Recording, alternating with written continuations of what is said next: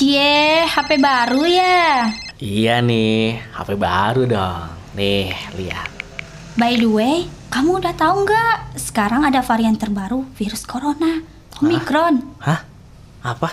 Aku belum tahu nih. Apaan tuh? Aku jelasin ya, varian Omicron itu mutasi dari varian corona yang pertama kali terdeteksi di Afrika Selatan.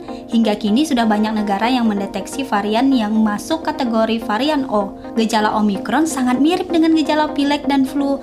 Ciri-ciri gejala varian Omicron itu sakit kepala, nyeri tubuh, dan tenggorokan gatal. Oh, gitu. Terus kita harus ngapain biar nggak terkena virus Omicron itu tuh?